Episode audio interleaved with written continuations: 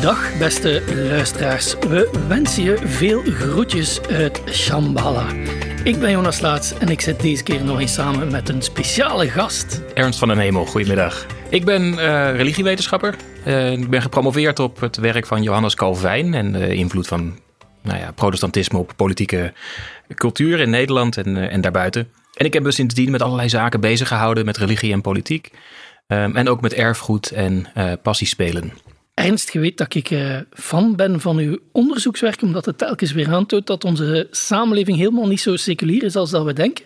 Maar de beeldvorming in de media en het onderwijs gaan uh, nogal de andere kant uit, meestal. Uh, telkens opnieuw wordt gedaan alsof religie iets van vroeger is en dat we nu geseculariseerd zijn. Veel mensen zijn zogezegd hoogstens nog wat spiritueel, maar spiritualiteit is iets persoonlijk en privé, dus dat zou weinig invloed hebben op de maatschappij. Zo'n visie verblindt ons jammer genoeg voor de realiteit, want in werkelijkheid spelen er heel wat dynamieken die zich niet netjes laten vangen in categorieën van religieus, spiritueel of seculier. En een van die dynamieken is de verwevenheid van religie en spiritualiteit met hedendaagse rechtse populistische politiek. En dat is uh, ja, een onderwerp waar dat jij de laatste tijd heel veel onderzoek hebt naar gedaan. En voor velen is het wel moeilijk om zich in te beelden dat daar inderdaad verbanden tussen bestaan, maar wat mij betreft liggen ze nogthans voor het grijpen. En uw eigen onderzoek heeft nogal sterk de nadruk gelegd op eh, de PVV, de partij van Geert Wilders. Uh, en het belang dat die hechten aan de joods-christelijke cultuur. Nu heb er één partij uitgenomen, maar dat geldt evengoed voor een Thierry Baudet of voor de NVA in Vlaanderen, waar dat de boegbeelden ook heel vaak verwijzen naar die joods-christelijke culturen. Dus laat ons eerst eventjes naar die bevindingen van dat onderzoek kijken, om daarna af te tasten in welke mate we misschien zelfs over vormen van rechtse spiritualiteit zouden kunnen spreken, die uh, dergelijke rechtse partijen ook verbinden met grotere wereldwijde maatschappelijke omwentelingen op religieus en politiek vlak.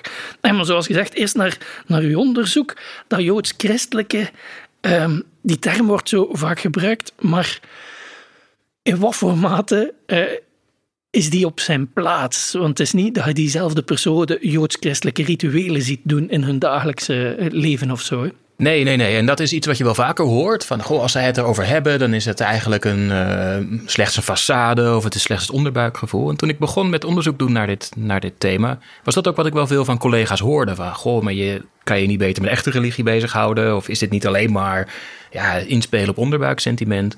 En ik vond het altijd een beetje een wonderlijke reactie. Van één, ja, het, het, maakt eigenlijk niet uit of ik vind dat ze gelijk hebben of niet. Het werkt. Het, het doet iets. Het bestaat. Het, het, het, is onderdeel van het vormen van nieuwe scheidslijnen in, uh, in de wereld.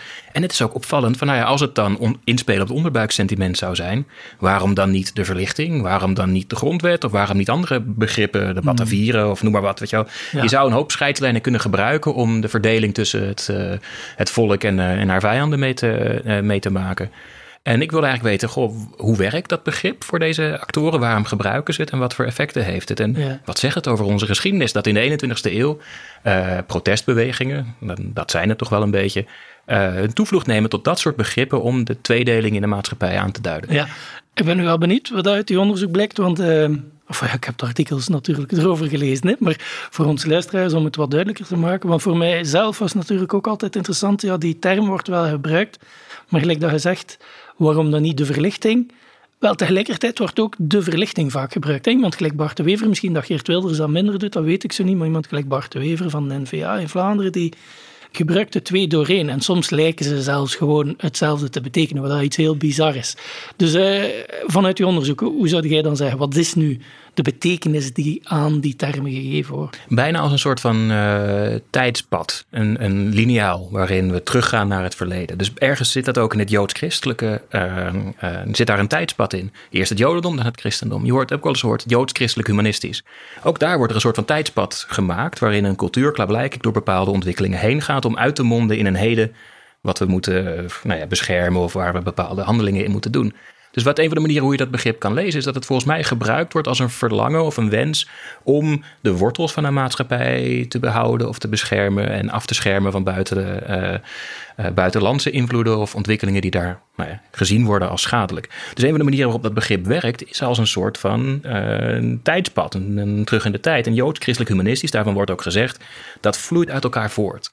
Dus dat humanisme of de verlichting, dat komt in, in veel van die extreemrechtse termen, wordt dat aangeduid als, of ook conservatiefrechtse termen, als iets wat plaatsvindt en voortkomt uit het christendom. Dus ook de superioriteit van dat christendom van die christelijke ja. cultuur dan weer, dan weer bewijst. Ja, maar tegelijkertijd ook vaak zo uh, de gelijkheid van man en vrouw, uh, de tolerantie ten opzichte van uh, LGBTQI plus rechten. Um, zelfs de scheiding van kerk en staat ziet men dan als gevolgen van de christelijke cultuur of de joods-christelijke cultuur. En daar kun je toch wel geweldig veel vragen bij stellen. Ja, er wordt iets platgeslagen dat dat een bevechting is op, net zo goed als een voortkomen uit. Hè. Maar tegelijkertijd um, hebben ze het ook wel ten dele gelijk. En daarmee bedoel ik niet zozeer dat, dat het hele normatieve kader, dat daarom dus een cultuur superieur is of beschermd moet worden. Maar daarmee bedoel ik iets, vrij specifieks. Namelijk, de, je hoort wel vaker in uh, kritieken op secularisme of hedendaags tolerantie denken dat dat voornamelijk voortkomt uit gericht is op witte mensen in een postchristelijke cultuur. Dat dus begrip als tolerantie of scheiding tussen kerk en staat of religieus pluralisme, dat dat een, een, een problematische, selectieve uh, werking heeft in de, in de geschiedenis. Nou, dat is de wortel, dat is de, de, de begrippen zoals deze rechtsconservatieve begrippen dat hanteren. Ja, ze zeggen zij uh, dat tolerantie is voortgekomen uit een christelijk wereldbeeld. Werkt ook het beste als dat met christelijke of postchristelijke mensen plaatsvindt. En dat is dus minder geschikt om daar andere culturen die niet tolerantie en vrijheid van meningsuiting en zo, en, en zo in, een, in een vaandel hebben staan om daarin te voeren. En ik denk dat, dat er wordt iets te vaak lacherig over gedaan. Atheïsme is een subset van het christendom, heeft Thierry Baudet wel eens, wel eens getwitterd. En mensen zeggen, haha, dat kan toch helemaal niet, dat kan toch helemaal niet. In de jaren 60 en 70 was het vrij gebruikelijk om uh, redelijk highbrow sociologische analyses te zien van Marcel Gauchet bijvoorbeeld, waarin het christendom de religie die zijn eigen einde uitgevonden heeft dat er begrippen zijn, dat daar, dat daar een wending uh, plaatsvindt die in uh, van christendom naar ongeloof of naar verlichting of atheïsme leidt, is niet zo makkelijk af te doen als een, als een rechtsverzinsel. Al is het maar omdat het ons in staat zet om ook kritisch te bevragen. Hoe, wordt, werkt het christelijk verleden door in begrippen van religieuze pluriformiteit of tolerantie die wij, die wij hanteren? En ik denk dat, dat, dat het, hoe gek het ook is voor mij, uh, dat dus begrippen die um, bijvoorbeeld Baudet of Wilders of hanteren over dat het nou ja, niet-christendom, het atheïsme voortkomt uit een christendom, vind ik belangrijk om serieus te nemen. Want volgens mij bedoelen ze ermee, dat betekent dat die postchristelijke samenleving afhankelijk is van onze christelijke wortels. Zij zijn bereid daar ja. uh, wetgeving op te maken, zijn bereid om daar vrij vergaande maatschappelijke scheids, uh, indelingen in te maken. En ik denk dat we dat serieus moeten nemen. Waarom werkt dat en hoe werkt dat? En ik denk dat ze een, een beter punt te pakken hebben een overtuigender punt te pakken hebben, historisch gezien ook, dan veel mensen ze, ze credit geven. Uh, maar dan gaat het over die historische ontwikkelingen en hoe sommige dingen doorwerken. Maar natuurlijk uh, de figuur van Christus en hoe inspirerend die al dan is, om maar iets te zeggen, is voor hen bijzonder weinig van belang. Hè? Ja, absoluut. Nee, nee. Dus, dus om, om even terug te keren naar die bevindingen. Ik heb, toen ik begon, heb ik met uh, behulp van uh, vrij uitgekiende software alle, alle PVV-tweets binnengehaald. Mm -hmm. Vanaf het begin van dat de partij op Twitter zat uh, tot eh, een paar jaar geleden heb ik alle tweets binnengehaald en gekeken wat noemen zij nou? Hoe komt religie voor als de PVV het op Twitter heeft? En de PVV was natuurlijk beroemd voor het gebruik van Twitter. En ook beroemd voor het afwijzen van interviews. Ik heb ze gevraagd of ik mag interviewen en dat, dat lukte niet. Dus nou ja, dan, dan kom, je hier, uh, kom je hierbij uit. En daar zie je iets heel duidelijks uh, ontstaan. Uh, ten eerste zijn er echt veel minder interesse in het jodendom dan in het christendom. Uh, als het Jodendom voorkomt in die tweets van de, van de PVV, is dat voornamelijk als slachtoffer van islamitisch geweld.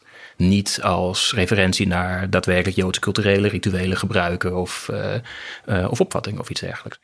Bij het christendom zie je ook dat er, dat er een grote nadruk ligt op de islam als, als, als vijandbeeld. Maar ook een vrij gedetailleerde discussie over het christelijk verleden van Nederland. De wijze waarop Willem van Oranje en het christendom onderdeel was van, van, het Nederlandse, van de Nederlandse nationale identiteit.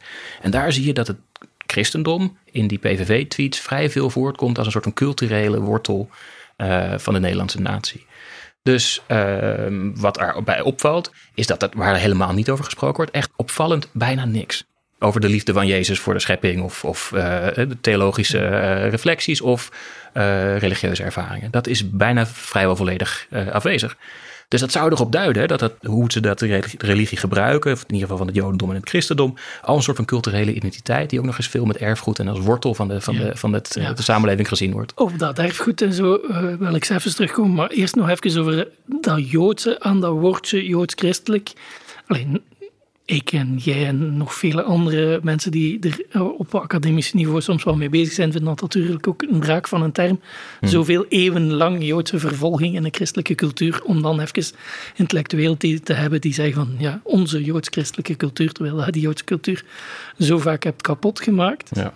En dan zeker in, in termen van uh, partijen die vaak uh, racistische uitspraken of ideeën hebben. Um, als die dat dan gaan gebruiken, dan, is dat, dan, dan wordt het wel helemaal iets waar dat je van afvraagt van hoe hypocriet is het. En gaat je dan gewoon mee in analyses die nog wel gemaakt worden. Eigenlijk zijn ze helemaal niet in Joden geïnteresseerd. In het geval van de PVV wel in de staat Israël, maar goed, dat is een heel ander paar.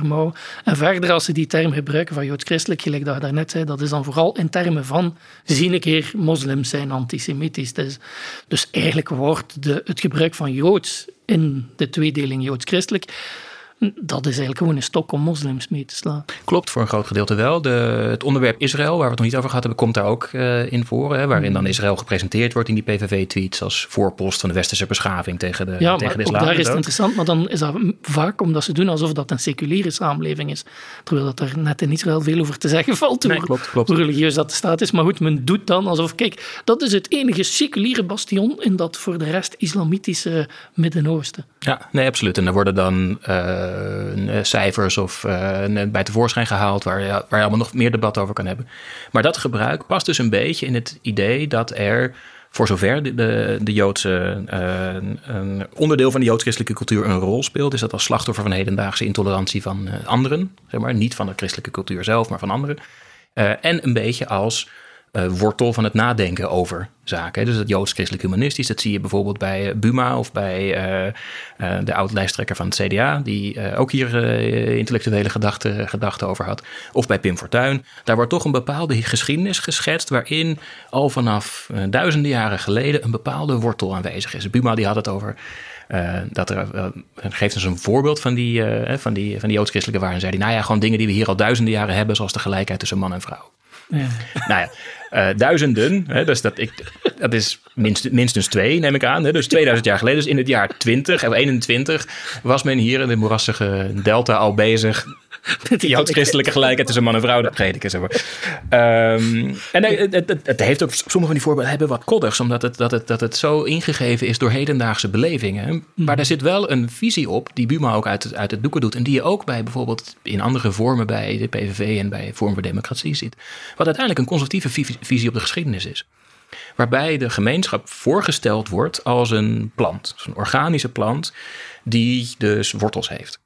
En als je de wortel doorsnijdt, wat doe je dan met de plant? Dan gaat de plant dood. Dus dat is het beeld van de gemeenschap die, die, die leeft. En daarom moet je dat in ere houden, want je hebt geen hedendaagse inclusieve tolerante gemeenschap zonder dat je die wortels van die plant onderhoudt. En dat joods-christelijke, dat wordt dan gezien als de wortels van de, van de hedendaagse maatschappij. Um, en dat is uiteindelijk een conservatief beeld op wat de, uh, wat de maatschappij is en ook hoe op een maatschappij omgang moet hebben met verandering. Je hebt natuurlijk helemaal gelijk dat dat, dat dat beeld van wat het Jodendom of het Christendom, for that matter, dan daadwerkelijk inhoudt in het dagelijkse leven van christenen of van Joden dat wordt daar vooral gezien, als je daarover begint, wordt het vooral gezien als het verpesten van een feestje. Want iedereen weet toch, luister, in Nederland zijn bepaalde problemen opgelost. Namelijk, iedereen is hier tolerant en vrij en gelijk. Mannen en vrouwen zijn gelijk. Er is helemaal geen homofobie meer, ook helemaal niet in, in voetbalstadia. Er is geen racisme, er is geen seksisme. Dat is allemaal opgelost en dat moeten we behouden uh, en beschermen tegen de mensen die dat van buitenaf weer terug in willen brengen.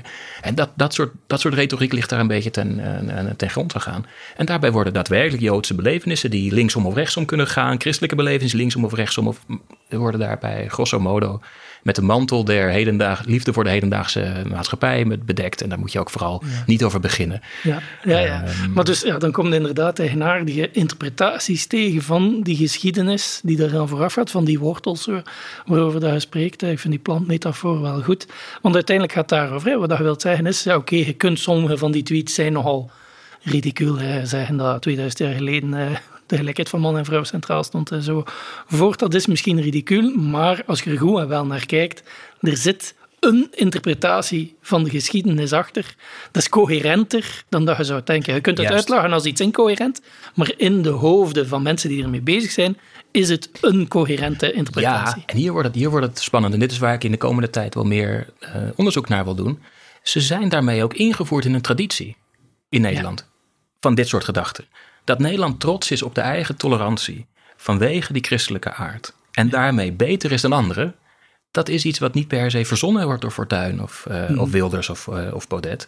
Dat is iets wat je bijvoorbeeld ook bij Abraham Kuyper ziet. Tuurlijk, dat dat is iets wat je bij die verzuiling ziet. Nederland wordt gekenmerkt door een, een tolerant systeem van religieus eh, pluriformiteit. En nergens anders hebben ze zo'n geniaal tolerant systeem waarin iedereen zijn plaats heeft. En dat komt dankzij de Calvinistische volksaard in de, in de woorden van Abraham Kuyper. Dus er zit een lijn tussen mensen die het, het christendom als culturele identiteit opvoeren paradoxaal genoeg om te zeggen: kijk, alle verschillende religies hebben hier een ruimte. Dus kijk eens hoe, hoe fantastisch de christelijke cultuur is. Iedereen mag gewoon zijn eigen religie Ja. eh, ehm, eh, beleven. En dat komt omdat we allemaal cultureel gezien Calvinistisch zijn of Joods-christelijk zijn. Eh, Dat soort gedachtegangen die, die liggen ten grondslag ten dele aan wat er in de verzuiling gebeurde. Dat ligt Ja. ten grondslag aan wat, hoe Abraham Kuyper de rol van confessionele politiek in Nederland zag. Ja. Die ligt bijvoorbeeld ook ten grondslag aan hoe het kan dat je in Nederland gedurende lange tijd re- religieuze pluriformiteit hoog in het vaandel had staan, binnen beperkte mate. Dat is altijd een christelijke broedertwist. Al vanaf Hugo de Groot ging dat over nou ja, een heel specifiek dogmatische twist, die tolerantie, zeg maar. Eh, maar dan nog, hè, dus het vieren van, van, van, eh, van pluriformiteit in den landen. Maar in de koloniën daar het heel andere, een heel andere vraagstuk, vraagstuk speelde. En dus ook het, de verhouding ten opzichte van de, van de islam, die dan niet in die religieuze pluralisme van Nederland zou passen, is niet een eh, laat 19e eeuws of 21e eeuws verschijnsel. Het heeft diepe, diepe wortels. Dus eh, eh, een van de redenen, voordelen is om deze mensen serieus te nemen in hun visie en ze in te passen in intellectuele tradities, is dat we ook kunnen zien wat voor lijnen in de geschiedenis leggen zij bloot. Wat voor machtswerkingen leggen we bloot. En ik denk dat we dat nodig hebben om te begrijpen waarom het werkt. Ja. We hebben een traditie van onszelf het verhaal verkopen in Nederland. Van dit is een fantastische, cul- tolerante cultuur. En dat komt doordat wij het in onze genen hebben, zeg maar. Dat soort, dat soort argumenten. Oké, en als we dan terugkeren naar die vraag, waarom gebruiken ze termen als joods-christelijk en niet louter de verlichting, dat je ook zou kunnen aanduiden als, allee, als je toch zo een, een nogal ehm, essentialistische interpretatie van de geschiedenis maakt, dan zou je kunnen zeggen, ja, dat is pas van in het humanisme, de verlichting enzovoort. En eh, we gooien alle religie buiten, want dat was het probleem in de wereld. En voilà, nu zijn wij geseculariseerde, verlichte mensen. Maar dat doet men niet is dan de reden waarom dat men toch naar die christelijke eh, of die religieuze wortels verwijst, is dat dan omdat het over wortels gaat, omdat je dan gemakkelijker een nog omvattender historisch verhaal kunt vertellen? Is dat dan de Ja, en omdat je ook nog verder een stapje verder terug gaat. Hè? Want men zet zich niet af. Er is geen, geen, je, hebt- je, wat, wat je eerder zei klopt. Er is niet per se in de beleving van mensen die zeggen... de Nederlandse cultuur is joods-christelijk of joods-christelijk humanistisch. Dat is Ja. wat, wat de PVV bijvoorbeeld in de grondwet wil. Ja. Die wil dat in artikel 1 van de grondwet staat... joods-christelijk humanistische samenleving. Ehm, daarbij wordt niet een tegenstrijd tussen verlichting en, en joods daarvoorgaande joods-christelijke cultuur. Nee, sterker, er wordt in één lijn geplaatst. En daarbij wordt dus die verlichting ge- geclaimd, zover zover die in Nederland eh, onderdeel was van een eh, tolerantieontwikkeling, wordt geclaimd als voortkomend uit een culturele identiteit. Dus je kan daarmee, met dat begrip, kan je verschillende shoppen in de geschiedenis, zeg maar, waarbij je verschillende eh, kanonieke momenten van tolerantie op de lijn plaatst, die allemaal bewijzen dat die plan vanaf het begin af aan goed geweest is. En ik heb het idee dat men ook ten dele het christendom of het jodendom ziet als ervoorgaand, ervoorkomend. Een soort van prehistorie van het, van het, van het heden, zeg maar. En dat men dus eigenlijk ook een beeld gebruikt, wat eh, nou ja, nogmaals ook in, in, in bepaalde academische kringen eh, regelmatig terugkomt. Eerst had je religie, toen had je secularisme en dan hebben we nu het heden, zeg maar. En daarbij wordt het joods-christelijk humanistisch schrijft eigenlijk zo'n soort tijdlat of meet, meet, meetlin, schrijft het in in de Nederlandse, in de Nederlandse geschiedenis. ja. Ook als ik uw artikels erover las, en nu dat het weer vertelt, eigenlijk constant denken aan salafisme, omdat ik allee, lang met islam ben bezig geweest en met heel de mediatieke beeldvorming rond islam en terreur enzovoort enzovoort. En dan speelt salafisme natuurlijk een belangrijke rol. Maar misschien moet ik voor mijn luisteraars toch kort even toelichten, hè, want dat salafisme is zelden goed begrepen. Hè. Als dat al in de media kwam, dan was dat zo gelijk een, een soort van eh, aanduiding voor de meest radicale vleugel van islam. En dus datgene waar je moet voor opletten, want dat zou zo gevaarlijk en gewelddadig zijn. Wat helemaal niet het geval was. Er waren verschillende salafistische stromingen die expliciet, eh, pacifistisch groot woord, maar en niet gewelddadig waren, die vonden van nee, dat is iets voor overheden. Wij zelf zijn gewoon, wat dan in uh, academische termen quietistisch noemt, het teruggeplooid op onszelf. Wij doen de dingen exact zoals wij het willen en voor de rest moet de wereld zich niet bemoeien, maar gaan die wereld ook uh, voor de rest zelf niet lastigvallen. Zo'n salafistische groepering bestaan er ook, dus het is helemaal niet extremisme dat salafisme met elkaar verbindt, of de verschillende vormen van salafisme, maar wel het terugkeren naar het verleden. Het idee van ja, dat is een beetje een 19e-eeuwse idee van moslims die gekoloniseerd waren uh, doorheen de hele islamitische wereld, hè, van, van, van Marokko tot uh, Indonesië.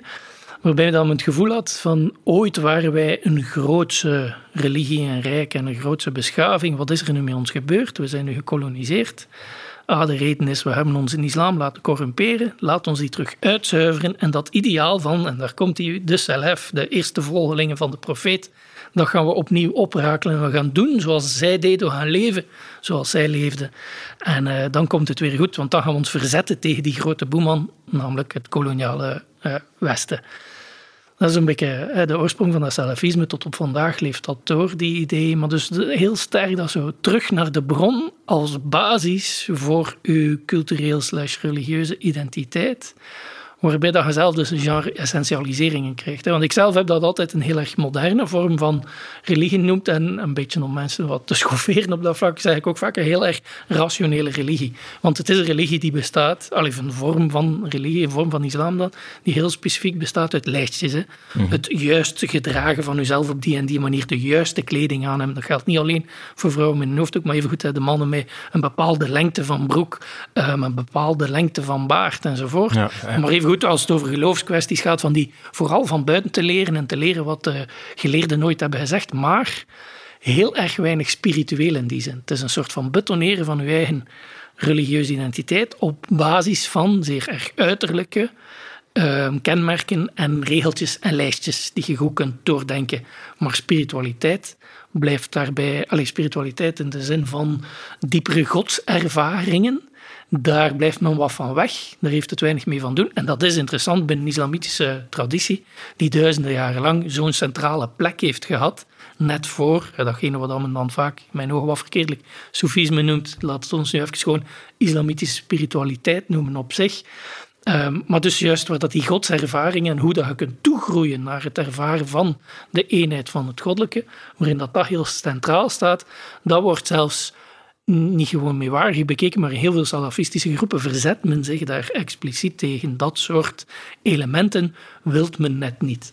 Hè, dus daarmee heb ik geschetst, in mijn ogen is dat een zeer moderne, rationele religie die zich afzet tegen heel wat spiritualiteit en die gebaseerd is op dat cultureel slash historische gevoel van toen waren we groot en we moeten dat hier uh, beschermen. En pas als we weer zo zijn, dan gaan we sterk genoeg blijven en, en niet meer verder aftakelen. Dus dat alles in overschouw genomen, kunnen we dan zeggen dat de manier waarop dat joods-christelijk en zo nu in populistische rechtse kringen, of dat nu PVV of, of of uh, N-VA is, is dat eigenlijk gewoon een vorm van salafisme dat we hier zien, maar dan op nationalistisch vlak?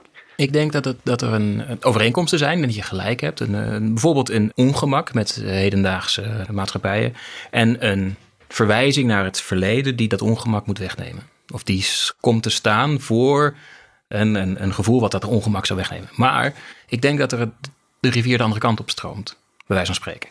dus waar uh, in het beeld van salafisme, wat, wat, ik, wat ik ook ken uit, uit Amerikaans fundamentalisme bijvoorbeeld, een, een, een uh, gedachtegang centraal is dat je terug naar de bron moet, die is puur. Mm. Dus dicht bij de bron is het, is het, is het puur.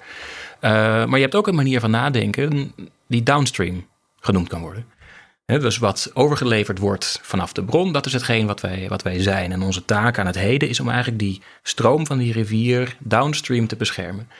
En uh, dat zou verklaren, dus mijn, in mijn lezing zou dat niet zozeer een upstream, het populisme zou niet zozeer zoals wat je beschrijft van de Salafis, terug naar de, proberen een, een, beeld te vormen van hoe dat terug bij die bron was om daar naar terug te gaan.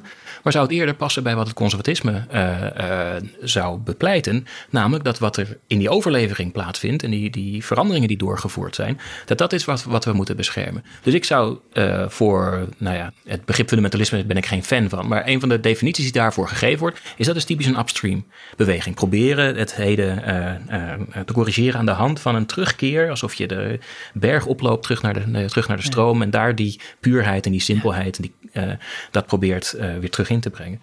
Um, ik zou denken dat wat wij zien, en wat dat betreft is extreem rechts of populistisch rechts, niet zo heel verschillend van conservatief rechts. En dat er een beeld naar voren komt van luister, wij raken kwijt. Als we niet die traditie in ere houden, wat ons overgeleverd wordt, hoe dat gegroeid is, raken we kwijt wie we zijn. Dus ik denk dat we gemeen hebben, wat jij beschrijft, is dat er in termen van een rivier gedacht wordt, in termen van bronnen gedacht mhm. worden. Maar waar het, uh, het salafisme in jouw omschrijving en, mhm. en, andere bewegingen die waar ik wat beter in thuis ben, terug de stroom op willen, willen zij die downstream beschermen. Dat zou een, een, mijn eerste, mijn eerste inschatting zijn. En, daar haakt helemaal in op hetgeen dat je zegt, hè, van ja, het is, het is niet gewoon joods-christelijk, het is joods-christelijk humanistisch. Dus uh, het is een soort de uitkomst van het christendom. Het is niet christendom dat we willen bewaren, maar het is de uitkomst daarvan. Juist. En dat is eigenlijk een seculiere wereld, het is die die we willen beschermen. Maar dat is inherent paradoxaal aan hedendaags conservatisme dan. Het is te zeggen, we proberen traditie te bewaren, maar telkens in het heden. Dus als, als binnen tien jaar de normen veranderd zijn, dan gaat dat conservatisme, ah. die normen van tien jaar maar hier, hier moeten we ons letteren, denk ik. Ik, ik, ik ook, ik bedoel het niet, niet richting jou. Maar moeten we geletterd zijn in wat het conservatisme is. En volgens mij eh, eh, is er een redelijk blinde vlek bij een gedeelte van, van, van uh, ook van Nederland. Omdat Nederland eigenlijk geen conservatieve stroming heeft gehad. Nederland had een conservatieve, uh, confessionele stroming. Waar het conservatieve gedeelte in opgenomen is. Maar je had niet een conservatieve partij in Nederland. Zoals je het in andere landen wel had. Um, maar conservatisme, bijvoorbeeld een van de mensen die dat geschreven heeft, is Huntington. Huntington, die later uh, belangrijk zou zijn met zijn joods-christelijke, het begrip van de Clash of Civilizations, waarin hij het begrip joods-christelijk gebruikt, die heeft wel eens conservatisme omschreven als een fighting ideology. Waarbij telkens weer op basis van strijd in het heden het verleden geïnstrumentaliseerd wordt dus het, het, je hebt gelijk dat het conservatisme, maar het, het conservatisme is niet een, uh, wil niet terug naar zoals het in de jaren 50 was, niet terug naar in de jaren 40 was. Het conservatisme in deze lezing is telkens weer in het heden een strijd bouwen voor een uh, beschermen van een geïdealiseerd verleden. Nou, en dat, dat, dat klopt, denk ik. Dat, dat dus het verleden vooral een rol speelt in de strijd voor het heden. Dus vraag maar eens, het is hilarisch trouwens, als je ziet wat bijvoorbeeld Wilders in het parlement gevraagd wordt, wat wil je dan? Wat zijn die christelijke waarden voor je? Wat denk je aan de jaren 50? Denk je aan 1900? Zeg ja, nou ja, gewoon uh, opkomen voor je eigen volk is wat die, waar die mee aankwam. En uh, veel van dit uh, gedachtegoed is niet gebaseerd op een gedetailleerde beschrijving van wanneer het beter was is niet gebaseerd op een gedetailleerde utopie van een, eh, de Batavieren of de, de 16e eeuw of de 18e eeuw of de 19e eeuw. Uh, je ziet weinig interesse in het gedetailleerd omschrijven van hoe dat verleden van Nederland er dan uitzat. Sterker nog, hoe verder je teruggaat naar de bron, hoe mythischer een land het lijkt te worden. Lees Buma's een reflectie van ja, in duizenden jaar geleden hadden we die gelijkheid van man en vrouw. Dat is een, een, een land van fabeltjes waar je in terecht komt als je ver genoeg die stroom afgaat. Het wordt nevelig, het wordt, het, wordt, het wordt fabelachtig. En wat heeft dat als voordeel? Waarom is dat denk ik niet not a bug, but a feature? Omdat iedereen zich daarin thuis kan voelen. Dus het, het, het, begrip van joods-christelijk staat voor een Nederland voordat we ons ongemakkelijk begonnen te voelen, of staat voor een Nederland waarin de ongemakken weggenomen worden. En dat kan bijvoorbeeld zijn dat je daar denkt, nou toen was christendom nog leidend. Of toen was, kon je nog gewoon homo zijn op straat. Of een, voeg, je onvrede maar in. En het leidt niet tot een clash. Het, leidt niet tot een, het leidt niet tot een, tot een contradictie. En dat komt omdat dat gemythologiseerde ge, uh, verleden ruimte biedt voor alle Het is een geïdealiseerde uh, verleden waarin eigenlijk de strijd, het belangrijkste is dat je er aanhaakt om de strijd in het heden te voeren. Maar tegelijkertijd, als je dan toch wel naar dat salafisme terugkeer, mag dan meer een uh, upstream vorm van bronbescherming zijn in plaats van downstream. Maar tegelijkertijd zijn ze ook wel zeer erg uiterlijk. Wat ik ook zei van de salafisme, heel regelrecht. Want als je, als je dan uiteindelijk bekijkt hoe het zich in de debatten in de dagelijkse uh, alleen in de dagelijkse media zich afspeelt, ja, dan gaat het iedere keer over zeer uiterlijke dingen. En nee, die hoofddoeken die mogen niet. Um, er, ja, Nederland zijn is er zo en zo uitzien. Het gaat heel vaak over lijstjes van dingen waar dat je moet aan voldoen. En die worden sterk uiterlijk. Ja. Of aan uh, symbooldingen, wat ook uiterlijk is, gelijk Zwarte Piet of zoiets. Hè. Mm -hmm. Dus... Um, is dat in die zin hetzelfde? Of denkt het, nee, er zit ook wel een spiritualiteit. Want wat ik er eigenlijk mee wil zeggen is, ja, het, speelt zich ook sterk op dat uiterlijke af. Um, of daar zit het strijdveld vaak. En betekent dat dan net gelijk in, in Salafi-bewegingen, dat er zeer weinig innerlijke omwenteling is, of niet? Want hetgeen wat ik aan dacht, als ik aan het nadenken was over dat ik met u ging spreken over deze onderwerp, was het, het lijkt mij nogal manicheïstisch. Maar ik gebruik dat woord niet graag, omdat mensen niet goed weten wat manicheïsme inhoudt. En ik zelf ook, maar al sinds jaar en dag in, in de christelijke wereld is het manicheïsme zo het toonbeeld voor duaal denken. Hè. Het licht versus het, het, het kwaad. Dat heeft Augustinus, heeft Augustinus goed in onze verbeelding gebracht. Dat heeft Augustinus goed in onze verbeelding gebracht, terwijl dat de manicheïsme wel wat breder gaat dan dat. Maar goed, en de term is dat dus gaan betekenen religieuze stromingen waarin dat je vertrekt vanuit een duaal beeld, waarin dat het hemelse, het zuivere, het licht, tegenover het donker en het kwaad, dat dat licht probeert kapot te maken en je moet je daar tegen verzetten. En in zekere zin zou je dan kunnen zeggen dat dat misschien een onderliggende spiritualiteit is bij dat rechtspopulisme van... Ten dele, maar ik denk ook dat wat je beschrijft, dat een bepaalde vorm van manicheïsme, en we gebruiken inderdaad de de, de, de propagandaterm zoals Augustinus graag zou hebben dat we, die, dat we die gebruiken. Ik heb net een proefschrift gelezen over uh, Manicheërs en dit, daar wordt, wordt in, in 400 pagina's wordt dat volledig, volledig, volledig kapot, gemaakt. Van luister, elke keer als je dat herhaalt, dan gebruik je eigenlijk gewoon Augustiniaanse propaganda. Die Manicheërs waren gewoon een bedreiging voor het vroege christendom. Het ligt veel complexer dan dat. En, maar goed, fijn. Uh, nee, maar die, die, die, die, scherpe dualiteit, die, die scherpe dualiteit is ook eigen aan politiek misschien wel. Het is ook eigen aan een, aan een, En je hebt binnen die studie van het populisme, is dat een van de definities van, van populisme die gebruikt wordt. Is het aanbrengen van een heldere scheiding tussen het volk en, en, en de vijand. Mm. Ernesto Laclau, een van de mensen die dat geformuleerd heeft, die zegt aan het einde van zijn boek uh, over populisme, zegt hij, en is eigenlijk dan niet populisme, is dat voorbehouden aan rechts? Nee, niet per se. Je ziet ook linkse populisten die dat doen. Bepaalde symbolen aanheffen tot een scheiding tussen het pure volk, die is dan ook helemaal goed, en de kwade elite of de kwade vijanden van het volk, die zijn dan ook helemaal kwaad. En aan het einde zegt hij, is dat dan niet eigen aan alle politiek? En hij zegt, ja, misschien wel. Ja. En wat, wat, ik, wat ik wel een, een scherpe redenering vind, waarbij het populisme als aberratie van, van een politieke verbeelding eigenlijk vervangen wordt door iets van gradaties. En, en, en nou ja, iets waar wat meer ruimte in is. Dat wat voedt dat populisme is eigenlijk niet zo vreemd in de geschiedenis van westerse democratieën, bijvoorbeeld in het geval van Nederland. Eh, ik denk wel dat een beroep op spiritualiteit, een beroep op een ervaring van trots en afkeer. Een beroep op een, dat een bepaald symbool verheven wordt. Dat zeg je heel duidelijk bij Zwarte Piet, maar je ziet dat ook bij uh, een lullig artikel wat ik net geschreven over paaseitjes. Dat dat met paaseitjes ook werkt. Dan zeggen mensen, kijk de HEMA bedreigt de paaseitjes. Ze noemen het, het het lentefeest. En ze worden nu verstopeitjes genoemd. Volgende stap is dat we, dat we met z'n allen geïslamiseerd worden. En ik heb er een artikel over geschreven waarin die, de paaseitjes controverse uh, leidt tot het Mark Rutte die nou ja, op primetime radio zegt: ja, het is heel goed dat de VVD de paaseitjes beschermt. En voilà, wat heb je? Een premier die van een liberaal, in naam liberale partij, lees scheiding tussen kerk en staat en vrije markt, weet je wel, die zegt dat een bedrijf als de HEMA orthodox christelijke producten moet blijven verkopen. Zeg maar. En dat zijn de hilarische de, elementen van het heden waar we in zitten. Maar daar zie je dat uh, bepaalde religieuze symbolen, bepaalde aan uh, religie verwante uh, praktijken inzet gemaakt worden, tot symbool worden gezegd van dit zijn waar we trots op moeten zijn, dit is wat we moeten beschermen.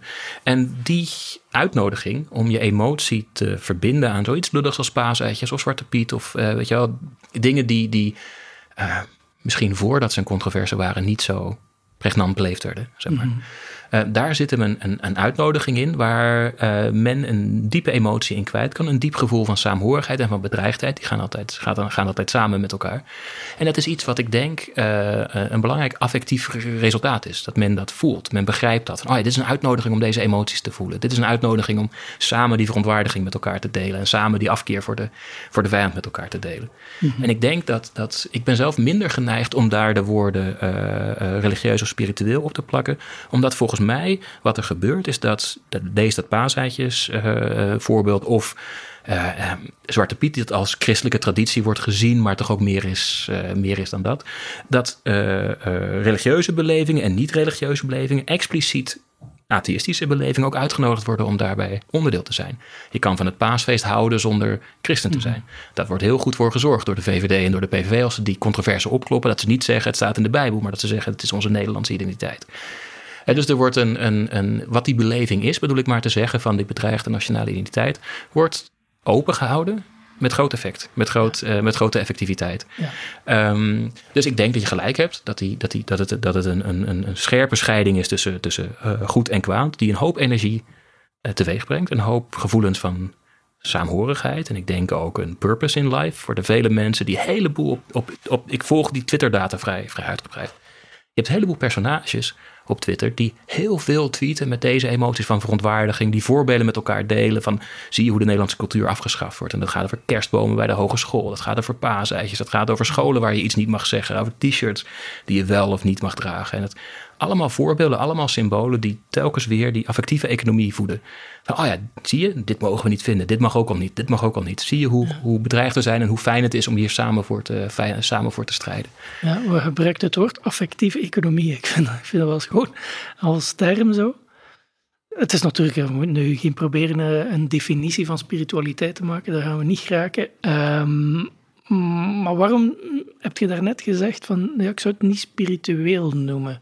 Omdat als je zegt affectieve economie en spiritualiteit, spiritualiteit, begeestering enzovoort, datgene wat u van binnen drijft, komt toch nauw in de buurt bij elkaar? Of waarom zie je toch nog een onderscheid? Ja, ik denk dat, dat daar mijn, mijn, mijn soort van um, etnografische blik of mijn soort antropologische uh, blik naar voren komt. Dat ik iets, ik zou iets zo noemen als het zo genoemd wordt door de mensen die ik bestudeer of zo. Nee, dus dus diezelfde interesse die ik had met het bekijken wat joods-christelijk is, mm. was niet gevoed doordat ik een idee heb van het echte jodendom is of het echte christendom, maar wat, wat werkt het, hoe werkt het, wat, wat doet het. Ja, En dezelfde reflectie of neiging heb ik een beetje met spiritualiteit. Ik zie het opkomen dat er bijvoorbeeld binnen Facebookgroepen, een, een, een appgroepen, of uh, dat er een vorm van spiritualiteit gedeeld wordt. Dat er een beeld van de menselijke natuur gedeeld wordt. Dat zeg je met die anti-corona-maatschappij, mm. zag, je de, zag je dat ook. Waarbij heel helder beroep op bepaalde vormen die zichzelf spiritueel noemen, of die met, met gegronde reden spiritueel genoemd kan worden, voortkomen. Maar ik denk dat bijvoorbeeld uh, een bredere scala aan zingevingspraktijken. Ik denk dat je boos maken over bedreigingen voor de nationale identiteit ook een zingevingspraktijk gezien, kan, gezien kan worden. Op het moment dat je daar uh, dat alles spiritueel zou noemen, uh, zou ik een beetje bang zijn dat ik het begrip uithol tot alles wat energie oproept en, en, en mensen, mensen een doel geeft in het ja, leven. Zeg maar. dat, dat begrijp ik. Maar ik denk dat ik ook een beetje ernaar kijk vanuit een, een soort Jungiaans kader. Nu, Jung is al een paar keer in onze eerdere afleveringen van Groetjes uit Chamballe gepasseerd. En, en, soms met een kritische blik, omdat hij er nogal in slaagde ook van uh, zijn eigen concepten te projecteren op het oosten en zo. Maar dat neemt niet weg dat die mensen bijzonder intelligente dingen heeft gezegd, zeker over spiritualiteit. En een van de dingen die ik zeker wel volg, is zo zijn idee dat, uh, dat je die tendensen of die energieën die in jezelf zitten, die er logischerwijs bij horen als mens, als je die gaat negeren of onderdrukken of wegsteken, dat die in het onderbewuste nog veel explicieter gaan spelen. En dus als ik zeg van je krijgt bepaalde vormen van in de wereld staan die zeer erg letterlijk zijn, die zich houden aan regeltjes en aan uiterlijkheden en aan symbooldossiers die juist moeten zijn, waar dat voor of tegen zit en dat je dus in zo'n duaal religieus discours terechtkomt van goed versus kwaad en licht versus donker dat hoe uiterlijk dat je dat ook maakt, of misschien juist omdat het zo uiterlijk maakt en zo letterlijk, dat je niet van jezelf ziet, dat nog meer dan andere mensen aan de onderbewuste kant nog veel meer gedreven wordt door, door een heel erg duidelijke, irrationele, mythologische energie die je voortdrijft zonder dat je ze ziet. En om het wat te concretiseren, kijk naar iemand gelijk Trump, wat veel mensen niet goed beseffen is dat Trump wel degelijk in een spirituele traditie staat. Zo zouden we hem nooit niet zien, maar in de VS is wat begin de 20e eeuw New Thought noemde en dan gaandeweg positive thinking is gaan genoemd worden, is daar extreem belangrijk.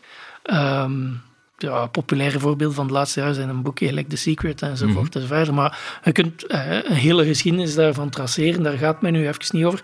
Maar Trump is eigenlijk een mooi voorbeeld van iemand die in die lijn staat. Zijn eigen boek sta, is, uh, zijn eigen boek over, wat is dat, The Art of... Uh, the Art of the Deal. The ja. Art of the Deal, ja. Zit helemaal in diezelfde lijn. Als je gaat gaan kijken wat voor ideeën dat daarin zitten, zitten in positive thinking. Met uw gedachten kunt je de wereld creëren. Als ik maar positief genoeg denk dan zal de wereld naar mij positieve dingen terugsturen. En dat is ook gewoon de basis van The Secret, gelijk dat ik daarnet vernoemde. Zo, dat is ook de basis van heel veel wat dat dan uh, prosperity Christianity wordt genoemd, van die evangelicals met duizenden mensen in een, in een stadium die dan zeggen van, ah, geef nu geld. Ja, eh, waarom doen die mensen dat? Omdat ze denken, ah, als ik maar positief ben en de gemeenschap geld geeft, dan zal er nog meer geld naar mij terugkomen. Dat is ook wat dat die predikers voor staan. En wij, wij doen daar van hieruit zeer meewarig over, omdat dat niet echt in ons cultuur um, expliciet zit, maar ik denk impliciet wel, maar we doen daar meewarig over. En we zien niet wat voor bredere spiritueel-religieuze context dat er rond bestaat waarin dat, dat thuis hoort. En dus dat mensen gelijk Trump daar niet helemaal los van staan. En als je bij Trump kijkt, vind ik dat dat de extremistische versie daarvan is. Die man is veel beter begrijpelijk in al zijn warrigheid en in zijn complete ontkennen van de realiteit soms. Dat begrepen wij niet. Maar is heel erg begrijpelijk als hij een extremistische vorm van positive thinking is. Mhm. Want dan wordt iedere keer dat hij de realiteit ontkende, geen ontkenning, maar was dat gewoon, ik ga positief denken en dan zal het goede wel komen. Wat ja, natuurlijk nee, aan die kanten werkte, maar er zit een logica achter die veel begrijpelijker wordt. Zo. En dus ehm, is dat een goed voorbeeld van, we zouden dat allemaal niet als spiritueel genoemd hebben, maar we blijven eigenlijk blind voor een bepaalde spiritualiteit die daar wel degelijk onder zit. En dat is het eerste wat ik gewoon wil zeggen. En, en het volgende is ook de vraag van, zitten er ook dat soort elementen, omdat je ook gewoon weet dat rechts in Europa linken heeft met rechts in Amerika, dat soort spirituele ideeën. Zijpelt dat door of niet? Ja, nou, het, één wat je aangeeft vind ik een hele een, een overtuigende uh, benadering van het Trump-fenomeen, waarvoor het woord post-truth echt een hele arme analyse is. dus dat, dat, wordt dan gedaan van de waarheid is niet meer. Terwijl eigenlijk gaat het om een andere vorm van waarheid. Een andere vorm van wat taal doet of zou moeten doen. Een, een eentje die meer ruimte heeft voor de performatieve aspecten ervan. Voor de inderdaad de bijna magische enchantment mhm. kanten ervan. Van deze man heeft al die rijkdom in het leven gewild. Heeft zijn eigen persona in het leven gewild. En die kan ook in het leven willen dat het met... Ja. Weet je wel? Uh, en, en dat soort vormen van taalgebruik uh, worden wel eens aangeduid als met een beetje een rauw randje post-truth. Van oh, er wordt niet meer geluisterd naar uh, wetenschappelijke expertise of journalistieke expertise. En dat zal allemaal, allemaal zo zijn. Maar je uh, je loopt het risico dat je dan niet bekijkt wat voor vormen van overtuiging, performance uh, en, en, en, waarheid er dan opkomen. Of daardoor uh, um, bepalen wat men, waar men een, een, een economische of een, een, een, energie in stopt. Dus ik vind eh, post-truth is een arme uh, variant ervan en iets langs de lijn wat jij voorstelt, waarbij een andere vorm van, van taalgebruik eigenlijk een, een dominant wordt of effectief wordt, uh, wordt gezien, zou denk ik ons begrip heel erg goed, uh, heel erg goed begrijpen. En dat is ergens zie je dat ook, dat, dat, dat men nou ja, meer bij die vorm voor democratie kant, denk ik, waar een, een, een stevigere um, verheerlijking van de leider een, een aanwezig is. En ook bepaalde zaken die door een groot gedeelte als, uh, van de Nederlandse gemeente als belachelijk gezien worden. Maar denk ik direct ervaren worden uh, als een andere vorm van taalgebruik door de mensen die het omarmen. Daarmee bedoel ik te zeggen. Uh, we kunnen zeggen, het klopt niet. Met, met Joods-christelijk is het eigenlijk ook zo. Mensen zeggen, ja, dat klopt toch helemaal niet. Het heeft toch helemaal niks te maken. Ja, maar luister, het werkt. Mensen begrijpen iets in dat taalgebruik, zien er iets mee wat ze in, kunnen passen in hun, in leven. En mensen die dat gebruiken weten dat. Die weten ook wel dat, dat ze niet, voelen niet de verplichting om boeken over Jodendom of Christendom te lezen voor ze dat woord mogen gebruiken. dus daar zit iets in. Bij Vorm voor Democratie zie je dat ook, dat er een, een performance aspect sprake, sprake, is. Een performativiteit van niet die excuses willen aanbieden. Uh, van altijd uh, een, een, sterke performance geven van iemand die het, die, het, die het weet of die het leeft of die het verdient, zeg maar. En daar zit een aura omheen, en, en, en noties van charisma, van aura en van um, het spreken van waarheid niet op een factueel rationele manier, maar in een performatieve manier, die denk ik veel nuttiger is om te begrijpen wat men zoekt ook in zo'n figuur. Men zoekt niet de echte wetenschappelijke visie op, op corona in, in de woorden van Thierry Baudet. Men zoekt niet een geschiedenisles in de woorden van Sibrand Buma. Men zoekt niet een, een beschrijving van toen was geluk heel gewoon binnen woorden van Wilders. Dat men denkt, oh ja, laat, vertel me eens wat meer over de echte Nederland. Nee, dat zoekt men niet. Men zoekt een emotie die ze daarin kwijt kunnen, die uh, nou ja, bijna als, als voorbeeld geleefd wordt door, door de figuren die deze taal tot, als geen ander beheersen.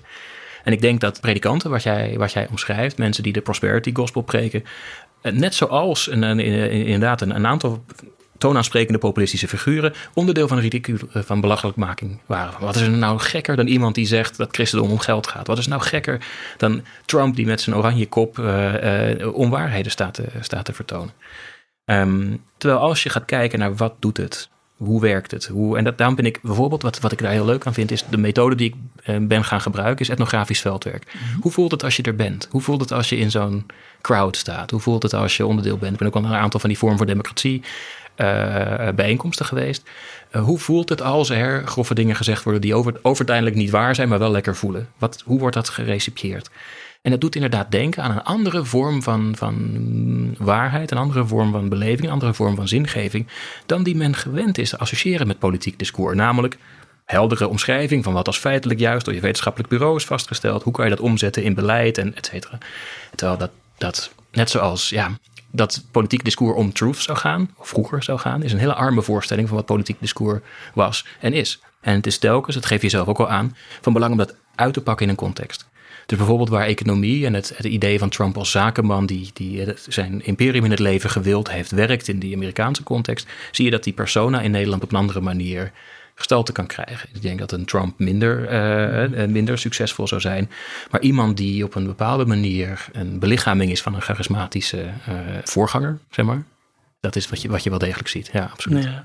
En daarbij wordt het cultureel archief, het culturele register, geactualiseerd. En dat vind ik, dat, dat vind ik een, telkens een spannende dimensie. Hoe wordt dus ik ga wel met je mee in dat, dat je dus die mensen kan zien als een vorm van voorgangers of een vorm van een spiritueel leider, zeg maar.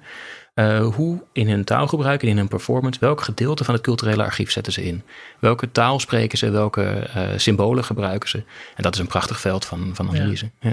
Fantastisch. Ik denk dat je daarmee uh, bijzonder mooi hebt samengevat wat ik inderdaad bedoelde tussen die linken tussen spiritualiteit en politiek. En, en zoals hij zegt, waar dat spannend wordt om over na te denken. Het is, Misschien doen we daar een volgende keer nog, uh, nog verder over bezig, want we zijn duidelijk nog niet uitgepraat. Maar voor deze aflevering zullen we het misschien uh, hierop houden. Ernst, super hard bedankt. Ik vond het boeiend. Hartstikke mooi, dankjewel Jonas. Zo, beste luisteraar, het zit er weer op voor deze keer. Op geregelde tijdstippen publiceren we een nieuwe podcast over allerhande boeiende spirituele, esoterische en religieuze fenomenen die mensen van oost tot west in de ban houden. Over het algemeen zit ik daarvoor samen met hoogleraar Paul van der Velde, maar af en toe laten we ook een andere expert achter de micro plaatsnemen, net zoals deze keer. Dus voor de luisteraars die dat nog niet zouden gedaan hebben, abonneer je in je favoriete podcast-app, zodat je zeker op de hoogte blijft wanneer onze volgende aflevering online wordt gezet. En in de tussentijd zend ik u natuurlijk heel veel groetjes uit Shambhala.